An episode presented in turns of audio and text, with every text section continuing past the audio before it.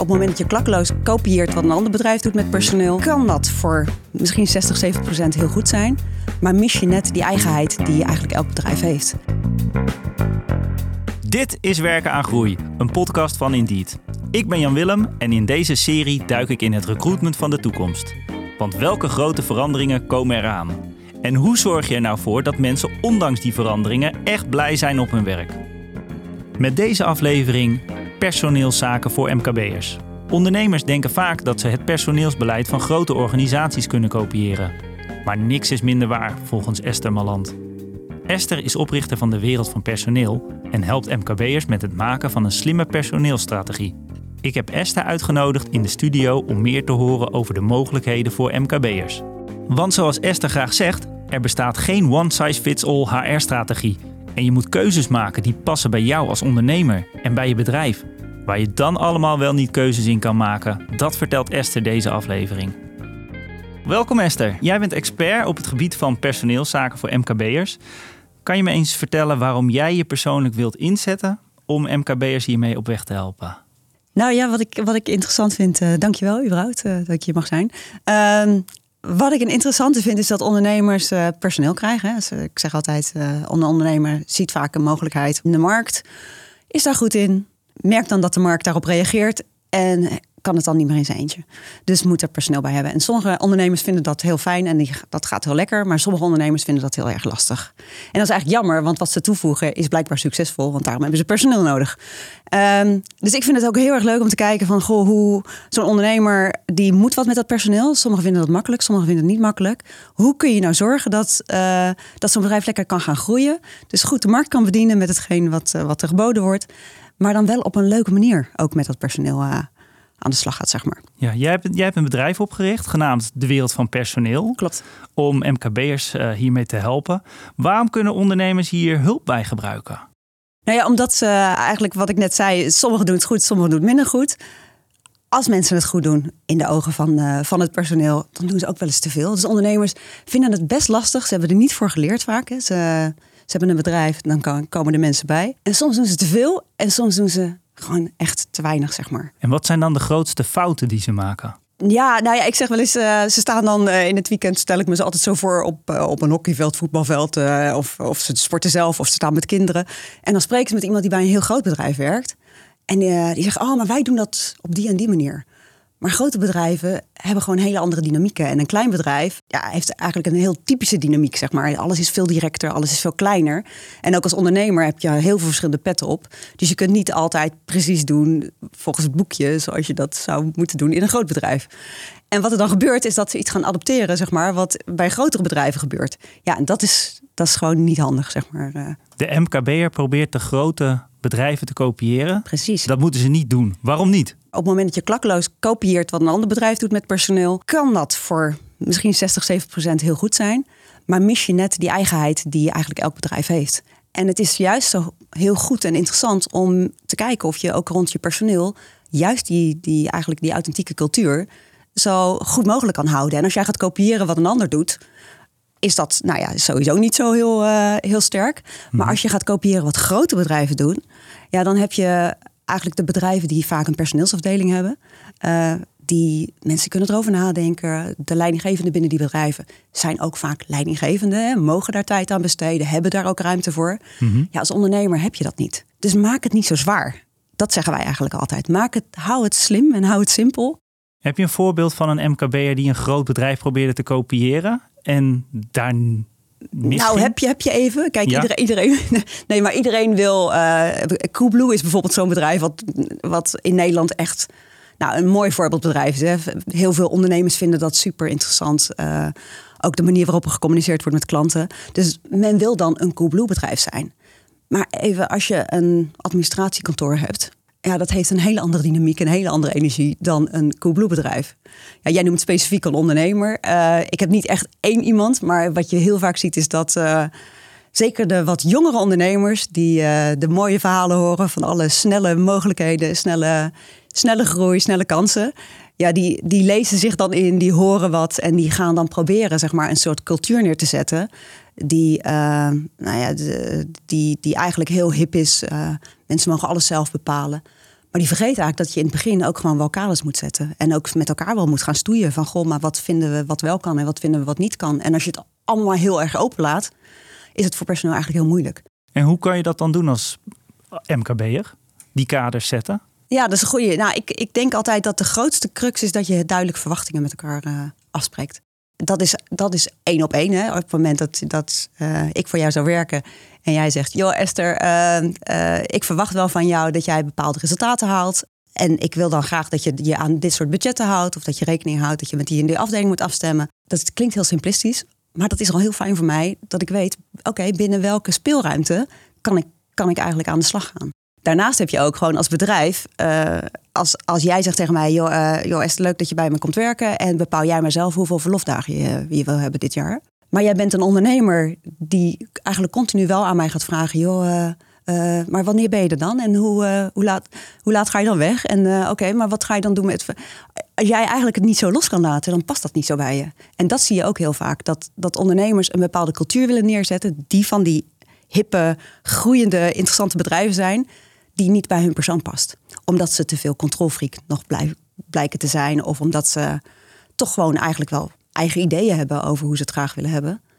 Maar ja, dat dan niet duidelijk neerzetten, zeg maar. Waarom is het nou zo belangrijk dat MKB'ers goed nadenken over hun personeelstrategie? Nou ja, weet je, uh, ik denk dat, dat uh, het sowieso goed is dat je er een keer goed over nadenkt. En ik denk ook dat het rust geeft als je een aantal dingen af kan tikken. Uh, en uh, kijk, als je kijkt naar, naar uh, waar je over na moet denken als ondernemer, dan je hebt natuurlijk je personeel, maar je hebt daarin natuurlijk je bewerven, je hebt, je hebt belonen waar je over na moet denken. alles wat te maken heeft met functioneren, het managen eigenlijk wat je doet, het ontwikkelen van je medewerkers, maar ook het regelzaken. Gewoon, je, kijk, zeker rond regelzaken, maar eigenlijk op alles, moet je je basis gewoon goed geregeld hebben. Daar moet je een keer over na hebben gedacht. Ja, en ook over afscheid. Op het moment dat je afscheid moet nemen van mensen, ja, hoe doe je dat? En dan niet gelijk de ontslag afscheid, maar gewoon mensen gaan weer uit je bedrijf. En hoe, hoe ga je dat organiseren? Uh, maar als je die zes dingen, als je daar goed over nadenkt hoe je daarin in ieder geval de basis goed wil neerzetten, dan heb je denk ik als ondernemer al een goede, nou, goed vertrekpunt, zeg maar. Laten we eens wat dieper duiken in die, die zes pilaren die je net benoemde. En laten we dan beginnen met werven. Dat is een van de allerbelangrijkste dingen. Heel veel ondernemers zeggen ook: ik heb een moeilijke positie, want ik heb geen groot bedrijf, ik heb niet heel veel spannende dingen te bieden. Nou, daar zijn wij het eigenlijk altijd heel erg mee oneens. Want juist als, als klein bedrijf heb je vaak een unieke cultuur.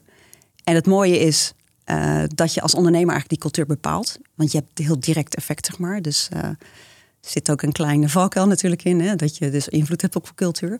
Veel meer dan bij grote bedrijven. Maar in principe juist heel positief. Dus als jij iets neer wil zetten en je uh, bent lekker met je, met je mensen, je hebt een bepaalde lijn uitgezet en, en die blijf je volgen, dan is dat heel versterkend. En dat kan juist heel prettig zijn, zeg maar. En daar kan de MKB'er zich dus eigenlijk in gaan onderscheiden door die eigenheid te gaan vinden. Exact. Dus ik denk dat juist een, een klein bedrijf heel aantrekkelijk kan zijn voor mensen. Laat ik even nog een aantal andere dingen noemen die ook heel leuk zijn bij kleinere ja. bedrijven. En die eigenlijk te weinig uitgelicht worden, vind ik vaak, door ondernemers is dat kleinere bedrijven, daar is de besluitvorming bijvoorbeeld ook heel anders dan bij grotere bedrijven. Je hebt veel meer, ook als je daar werkt, heb je veel meer invloed op besluitvorming. Tenzij je natuurlijk een mega dominante ondernemer maar dat is een interessante. Maar ook bij de kleinere bedrijven, uh, kleine bedrijven die, die groeien ook vaak wat door. Je hebt iets makkelijker dat je een stuk taak erbij kan nemen of een stuk resultaat verantwoordelijkheid erbij kan nemen. Zonder dat dat gelijk heel strak afge, afgedicht is in functies en functiebouwwerken. En het, is, het is allemaal wat flexibeler, is wat ondernemender. Uh, en ik denk dat dat voor heel veel, uh, heel veel mensen juist heel aantrekkelijk kan zijn om bij een klein bedrijf te werken. Maar het punt is dat ondernemers dat niet altijd zo zien. Brengen ze dat helemaal niet naar buiten eigenlijk? Nou, wat, waar we eigenlijk zo net, uh, waar we het zo net over hadden, er wordt veel gekopieerd er wordt ook heel vaak op internet gezocht, bijvoorbeeld naar, uh, naar uh, vacatureteksten of naar, naar überhaupt voorbeelden van functiebeschrijvingen en alles wat daarbij zit. En uh, dan ga je de eigenheid eruit halen, zeg maar. Zie je dat ter dan terugkomen in de vacatureteksten dat het niet authentiek is? Ja, ja, ja, maar ik denk dat jij dat wellicht ook wel heel erg herkent. Dat, ja. uh, en dat is eigenlijk heel zonde. En dat is ook nu heel erg. Wat ik super interessant vind, is nu. Uh, nou ja, er wordt gebruik gemaakt natuurlijk van artificial intelligence. Wij gebruiken het zelf ook. Ook om vacatureteksten te maken voor onze klanten. wat daar heel krachtig aan is, is dat je uh, met een aantal zoektermen krijg je natuurlijk een goede tekst. Maar we moeten niet vergeten dat het wel een doorsnee is van wat er al op het internet te vinden was, zeg maar. En uh, ik denk dat je altijd, wat je ook van buiten haalt, dat je altijd moet kijken, maar past het ook echt bij mij, bij mijn bedrijf, bij de cultuur die wij nastreven, zeg maar. Moet je werknemers uh, meenemen in beslissingen over personeelszaken? Ik denk dat het sowieso goed is om in gesprek te zijn met je medewerkers over keuzes die je maakt op het gebied van arbeidsvoorwaarden. Ik denk wel altijd dat je gewoon zelf de beslissing moet nemen. Um, en zeker als ondernemer, je hebt een uh, financiële verantwoordelijkheid, je hebt een continuïteitsverantwoordelijkheid. Dus, uh, dus ja, ga er met je mensen over in gesprek. Maar uiteindelijk bepaal jij natuurlijk zelf welke voorwaarden je wel of niet uh, met je medewerkers afstemt. Voor de rest denk ik, je, kan, je kunt bijna niet genoeg met je mensen in gesprek blijven. En dat betekent niet dat je mensen gaan bepalen hoe jij je bedrijf gaat leiden. Maar ik denk wel dat je heel goed in gesprek moet blijven met je, met je mensen. En een van de dingen waar ik dat heel erg mis, en dat zeggen wij ook altijd tegen onze klanten, is zeker als een bedrijf kleiner is en gaat groeien, op het moment dat er iemand weggaat, of juist op het moment dat iemand nieuw komt, dan wordt er eigenlijk niet heel veel aandacht besteed met, aan de rest van het team. Terwijl dat hele belangrijke momenten zijn waarop eigenlijk de hele setting weer een beetje ontwricht wordt. Hè. Er komt iemand nieuw bij, soms in een nieuwe functie ja, ga dan ook even goed met je mensen zitten. En ga even bespreken van, goh, wat, wat gaat er veranderen? Hoe kan je dat goed doen? Ik stel me voor dat je je team bij elkaar roept. En je zegt, goh, binnenkort uh, start uh, nou, Sander. En uh, Sander gaat die rol bij ons vervullen. Wat doen jullie nu en waar gaat hij jullie raken, zeg maar, in het werk wat jullie doen? Dus dat je eigenlijk daar meer een teaminspanning van maakt dan dat Sander daar komt op een dag en iedereen naar hem zit te kijken en denkt: Oh, jij bent een nieuwe aanwinst eh, binnen ons bedrijf, maar wat, wat ga je eigenlijk precies doen? Er zijn ook een aantal onderdelen in personeelszaken die voor MKB'ers heel belangrijk zijn. We hebben het al even gehad over werven, ja, uh, vacatureteksten. Ja. Maar ook over belonen is bijvoorbeeld een van die componenten die heel belangrijk is. Hoe, hoe ga je daar als MKB'er mee om? Belonen is best, en zeker in de huidige markt, is dat een hele grote, heel groot vraagstuk voor ondernemers. Iemand komt bij je werken, je zit aan tafel en uh, iemand heeft een salariseis. Wat wij sowieso altijd adviseren is eigenlijk de, de, de, stap daarvoor. Op het moment dat je sollicitanten hebt, adviseren wij sowieso om vooraf even te bellen. Of het nou een brief is, of het een cv is, of het een contact is uit je netwerk. Wij zeggen, joh, neem even contact op en stel onder andere de vraag, joh, wat is jouw salariswens? Want als uh, als MKB-ondernemer uh, heb je wel eens dat mensen vanuit grote corporates komen, vanuit gemeentes komen en salariservaringen hebben die gewoon niet, ja, die voor een, een MKB'er gewoon niet haalbaar zijn, niet te betalen zijn, zeg maar. Want in grote organisaties wordt in het algemeen meer betaald dan bij de MKB'er. Ja, toch wel. Ja, en dan hangt het wel van, wel vanaf wat voor een soort MKB-bedrijf je hebt. Als je in de high-tech uh, zit, dan is, is, dat weer anders. Maar wij zeggen, stel altijd even die vraag voordat je misschien zelfs besluit of je die persoon ook echt uit gaat nodigen voor een gesprek. Want het is vaak genoeg gebeurd bij ondernemers dat ze een hele, heel, heel trajectje hebben met iemand. En dan gaan ze het over salaris hebben en dan blijkt daar een enorme mismatch te zijn. Maar dat, dat is één ding, zeg maar, dat belonen. Wat ik ook een hele interessante vind, is dat in de markt nu natuurlijk heel veel, uh, ja, ook hele hoge beloningen worden gegeven. De huidige, zorg in ieder geval altijd goed dat als je nieuwe mensen binnenhaalt met een hoge beloning, dat je uh, kijkt of dat ook wel past in verhouding met de rest. En op het moment dat iemand jou om een salarisverhoging komt vragen, vind ik ook altijd heel belangrijk dat je niet gelijk reageert en zegt, nou, dan gaan we dit doen. Maar ga vooral uitvragen waarom iemand vindt dat hij een hoger salaris moet krijgen en wat hij daar ook voor gaat bieden. En, en neem dan lekker even de tijd en ga dan nog eens even bekijken. En hoe ga je dat dan bieden? En ga je dat ook bieden op die manier? En um, bij Indeed zien ook dat uh, in vacatures uh, vacatures met een salarisvermelding, die worden vaker aangeklikt.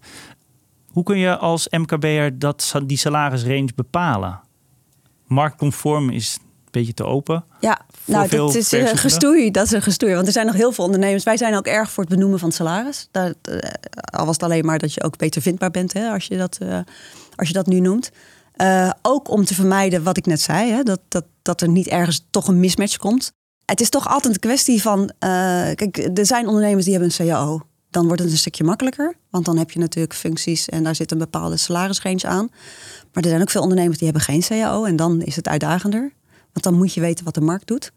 Um, wat dan gewoon goed is, is natuurlijk om te kijken wat betaal je je eigen mensen. En wat eigenlijk de ervaring is die wij ook hebben, is dat door in gesprek te gaan of door vacature te hebben en in gesprek te gaan, ga je ook horen wat voor mensen komen op dit soort functies. Dus je moet wel een beetje, je moet wel een beetje ervaring hebben. Je moet wel een beetje input ook hebben, ook vanuit de markt, van joh, wat zou een salarisrange moeten zijn voor deze functie. Maar wat wij ook wel zeggen, joh, bel gewoon een uitzendbureau en zeg, joh, uh, ik heb eigenlijk een vraag. Ik zou zo iemand zoeken. Kun je me helpen? Wat voor een range moet ik aan denken? Gewoon vrijblijvend. Er zijn echt ook wel uitzendbureaus die daar dan gewoon heel vriendelijk en plezierig op reageren. Dus haal gewoon de informatie uit de markt. En, uh, en, en heb dan het lef om het in je vacaturetekst te zetten. Uh, van belonen is salaris één component. Zijn er ook andere behoeftes bij werknemers? Ja, nou ja, dat vinden wij altijd heel erg leuk. Want uh, ook als iemand om een salarisverhoging vraagt, waar ik het net over had. Wat in de praktijk blijkt, is dat niet altijd het om alleen maar salaris gaat. Of juist soms helemaal niet om salaris gaat, maar om andere dingen. Want beloning is in onze ogen altijd een heel ruim begrip. Dat is niet alleen salaris, maar dat kunnen ook uh, de arbeidsvoorwaarden zijn, zoals verlof. Maar ook arbeidsvoorwaarden als een, je hebt misschien een mega uh, innovatief bedrijf waar, uh, waar veel kennis zit. En veel, weet je, dat, dat zijn ook allemaal, allemaal dingen die interessant zijn voor mensen die bij jou werken. Op het moment dat ze in een, in een bedrijf werken waar veel specialisatie is en veel kennis op hun vakgebied. Of het is juist een bedrijf waar heel veel onderling wordt georganiseerd. Uh, en dan zal het misschien niet smaak zijn, maar hardloopclubjes, kookclubjes, weet je wel. Er zijn, uh, beloning is niet alleen het salaris. Het is, uh, beloning wordt gezien als, uh, goh, je levert iets aan een, aan, een, aan een bedrijf en je krijgt er iets voor terug. En ik denk dat beloning ook echt breder moet worden gezien. Dus ga ook als ondernemer gewoon heel erg op zoek. En ook soms met behulp van je mensen naar wat zijn eigenlijk dingen die wij eigenlijk al heel normaal vinden. Maar die eigenlijk super interessant zijn. En die ook heel aantrekkelijk kunnen zijn voor een ander. Adviseer je MKB'ers dan ook om dat uit te dragen? Hun ja. employer brand ja, uh, heel mooi woord, hè? duur uh, woord. Ja, wij, wij, wij praten echt in Jip en Janneke. Dat is echt wel grappig. Uh, we hebben dus ook zelf een hele online omgeving voor ondernemers. En wij proberen echt alles plat te slaan. Dus zo min mogelijk vakjargon. Maar employer branding is gewoon belangrijk. Ja, op het moment dat je heel erg goed pakt als ondernemer... wat is mijn cultuur en wat waarderen mensen ook bij ons... We hebben het ook al gehad over in gesprek gaan met je medewerkers. Ja, ga dat ook gewoon vragen. Joh, wat, vinden, wat vinden jullie nou eigenlijk leuk hier? Joh, wat maakt ons bijzonder? En, en, en vergroot dat uit. Ja, en doe dan niet die standaard vacaturetekst. Maar zet dan juist die leuke dingen erin die weer niet zo standaard zijn, zeg maar. Er moeten ook functioneringsgesprekken worden gevoerd. Is ja. dat iets waar de MKB naar kijkt? De ondernemers die wij spreken, die, die, doen, die voeren functioneringsgesprekken. Die vragen ook, moet ik dat doen? Dan zeg ik, nee hoor, je hoeft het van niemand te doen. Staat niet in de CAO, er is geen wetgeving over. Maar je moet de zin ervan inzien, zeg maar. Daarom voer je gesprekken. En wij noemen het eigenlijk altijd verwachtingsgesprekken omdat het, de, de neiging is natuurlijk als je functioneringsgesprekken voert, is uh, goh, hoe functioneer je? Maar dat kun je alleen maar afleiden aan het verleden. Dus dan kijk je terug. En wij zeggen eigenlijk, als je gesprekken voert met je mensen, uh, ga dan met wat je weet over hun functioneren. Ga dan kijken, oké, maar wat staat ons nu te wachten? Bijvoorbeeld komende jaar, komende periode. En wat verwacht je nou van elkaar? Welke visie heb jij nou als ondernemer? Gaat je medewerker daarin mee?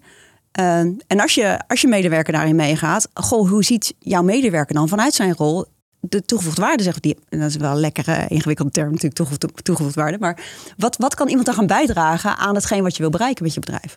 En ga daar eens over praten. En dan wordt het ook een positief gesprek. Want dan zeg je, hey, joh, ik wil die kant op. Joh, vind je dat ook leuk, die kant op? En vanuit jouw rol kun je dan, ja, wat kan jij dan gaan toevoegen het komende jaar? Hoe zie je dat zelf? Hoe zie ik dat?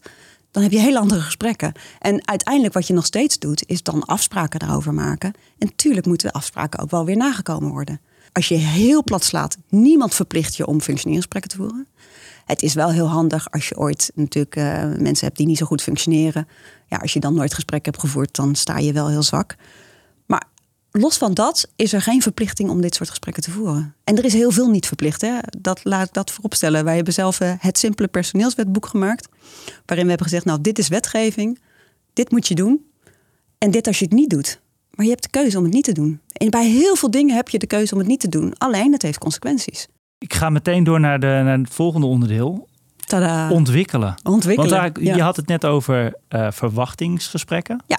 Ik denk dat dat heel erg mooi matcht met het ontwikkelen. Van waar wil de werknemer naartoe, waar wil de werkgever naartoe? Ja, ja. ontwikkelen. Uh, en dat zie je ook. Hè. Je ziet ook wetgeving daarop. Uh, toch die wetgeving die nu zegt, hè, je moet investeren in je mensen. eh, even los van wetgeving, is dat sowieso een belangrijke. Dat je blijft investeren in je, in je medewerkers. Ik denk dat we echt naar life, nog meer naar lifelong learning gaan. Mensen die niet meekomen in de nieuwe technologieën. Ik, ik, heb nog, ik heb nog bedrijven waar iemand bijvoorbeeld niet goed is in Word. Ja, eigenlijk kan dat niet meer. Dat kan nu nog, maar als die mensen te jong zijn. Dus ik denk dat je moet blijven investeren in, uh, in ontwikkelen. En wat jij terecht zegt, ja, als je het hebt over verwachtingen. Ja, wat heb jij nodig? En dat is, hoort voor mij ook eigenlijk bij, altijd bij zo'n gesprek. Oké, die kant gaan we op. Maar als ik dit van jou verwacht, wat heb jij dan nodig om aan die verwachting te kunnen voldoen? En daar komt een ontwikkeling uit.